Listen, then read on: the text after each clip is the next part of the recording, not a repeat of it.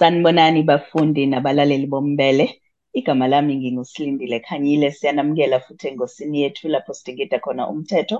KunguLwesibili umhla ka-22 November. Izolo inkantolo yomthethosisekelo inqume ukuthi uJanusz Walus, owabulala umholi we-SACP uMnumzane uChris Hani, kufanele adedelwe ngoshwele zingakapheli izinsuku eziwu-10. Inhloko yamajaji, iJaji uRaymond Zondo, ithe uWalus kufanele ngabe wadedelwa ngoshwele ngo-2005. UZondo ugxeke isinqumo sikaNgqongqoshe Wezobulungiswa Nokuhlumeleliswa Kwezimilo, uMnumzane uRonald Lamola sokuchitha isicelo sikaWalus ngo-2020, wathi sasingafanele. Ukubheka lolu daba kabanzi ukhona ungudwethu womthetho uMnumzane uMpumelelo Zikalala weZikalala Attorneys. Mnumzane Zikalala, siyakubingelela, siyakwamukela kumbele. Eh angikubingelele bese ngibele kakhulu abalaleli nababukeli bombele. Mnumzane Zikalala, ijaji uZondo uthi uWalisi kufanele ngabe wadedelwa ngoshwele ngo-2005. Kudalwe yini pho ukuthi izinkantolo ngisho nanongqongqoshe imbala bahluleke ukukhipha lesi sinqumo kuze kuphele iminyaka ewu-17? Eh umnumzane uWalus kade lebele eyifaka iy'celo eh ngaphambilini eh zibe nenkinga la khona. Uminister kuyena umuntu osuke uyena onezwi lokugcina ukuthi ubani umuntu otholayo ushwele nomuntu ongawutholi hayi akuphindise emuva. So inkantolo ngiyacabanga ukuthi besithi eyi ngokubona kwethu kufanele ngabe kade wafika la enkantolo yomnumzane Walus kodwa ukhethe ukuthi wenze iprocess yangaphakathi. Uthe uma usukwenzile lokho wabona ukuthi usufika ekugcineni kwawuma usubona ukuthi cha ake ngihambe-ke manje ngenkantolo mhlawumbe inkantolo izokwazi yona ukuthi ngizwele ibone ukuthi ngendlela efana ngabe lihambe ngalo lo daba lihambe lize lifika kuphi. So inkantolo ujaji zondo besho lokho. Ugadwa yini njalo?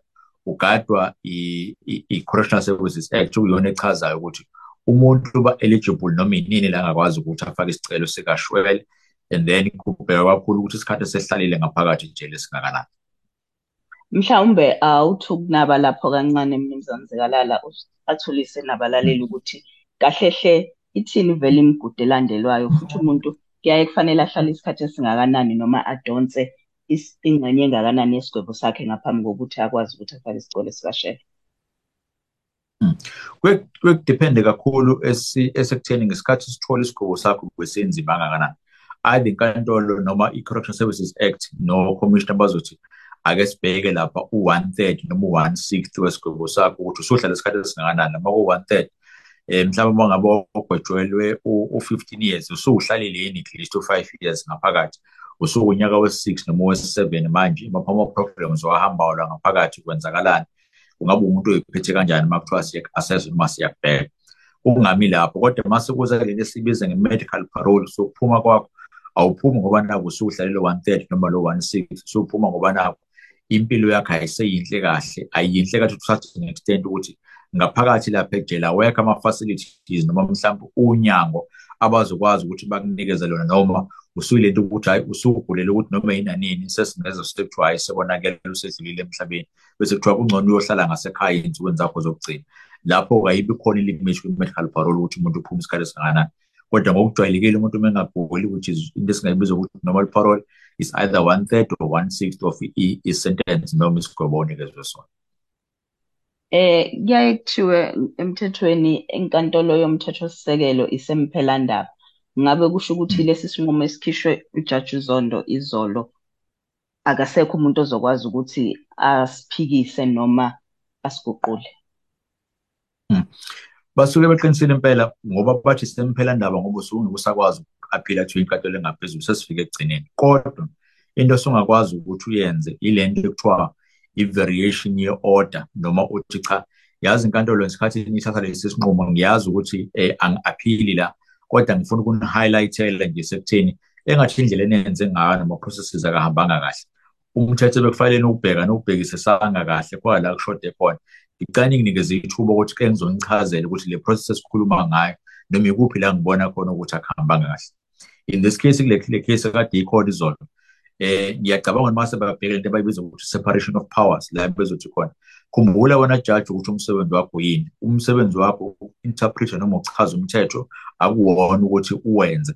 Khumbula wena judge ukuthi akuwena uthatha i-decision ukuthi umuntu akaphume ngeparole noma akangaphumi yini. So musu kuphuca uminister amandla akhe lawo ma-discretionary powers amandla okuthola ukuthi ngempela kufanele umuntu amnikeze iparole noma angamnikezi ngoba khona okwakho lokho. Ngoba wena kungenzeka ukuthi kunezinto ezingekho kuwena noma ongeke uzozibona ukuthi zihamba zizifike mhlawumbe uthole ukuthi-ke enye i-point abangalisho bangathi eyi akubheke ne-victim la in this case. Eh bese uzobheka ukuthi kungabe i-interpretation yakho ukuthi i-victim ithulile kuthathwa ngokuthi isuke ivuma yini. Yindaba ungabhekeleli mase kubheka ubulungiswa in general ukuthi le nto esikhuluma ngayo sithi umuntu ngeke phela kuvele kufane nje njengokuthi kwakufana nokuthi kwakubulawa isilwane kube kwakuwumuntu lo wayebuleka yindaba singabhekanga ukuthi la abantu abayisulu bona bacabanga kanjani into ekufanele yenzeke kubona izobaphatha kanjani yonke le process mayenzeka kungenzeka on that basis noma ngaleyo nto nje uthola ukuthi-ke icala seliphinde liphindele back kodwa enkantolo kodwa uma liphindela alihambi on the basis of i-appeal lihambe on the basis of ukuthi engathi ni-misdirectile ngomthetho eniwusebenzisile nangawusebenzisa kahle umthetho sicela nibuyekeze kabusha isinqumo senu nibone ukuthi ngabe kusayisona yini uma ngabe sesinichazelile la sibona khona ukuthi engathi nithe ukushaya eceleni Mnumzane Zikalala njenganjalo siyabonga kakhulu ngesikhathi sakho. Kubonga mina kakhulu ekubeni usuku oluhle. Lowo bekungumnumzane uMpumelelo Zikalala wezikalala Attorneys siyabonga.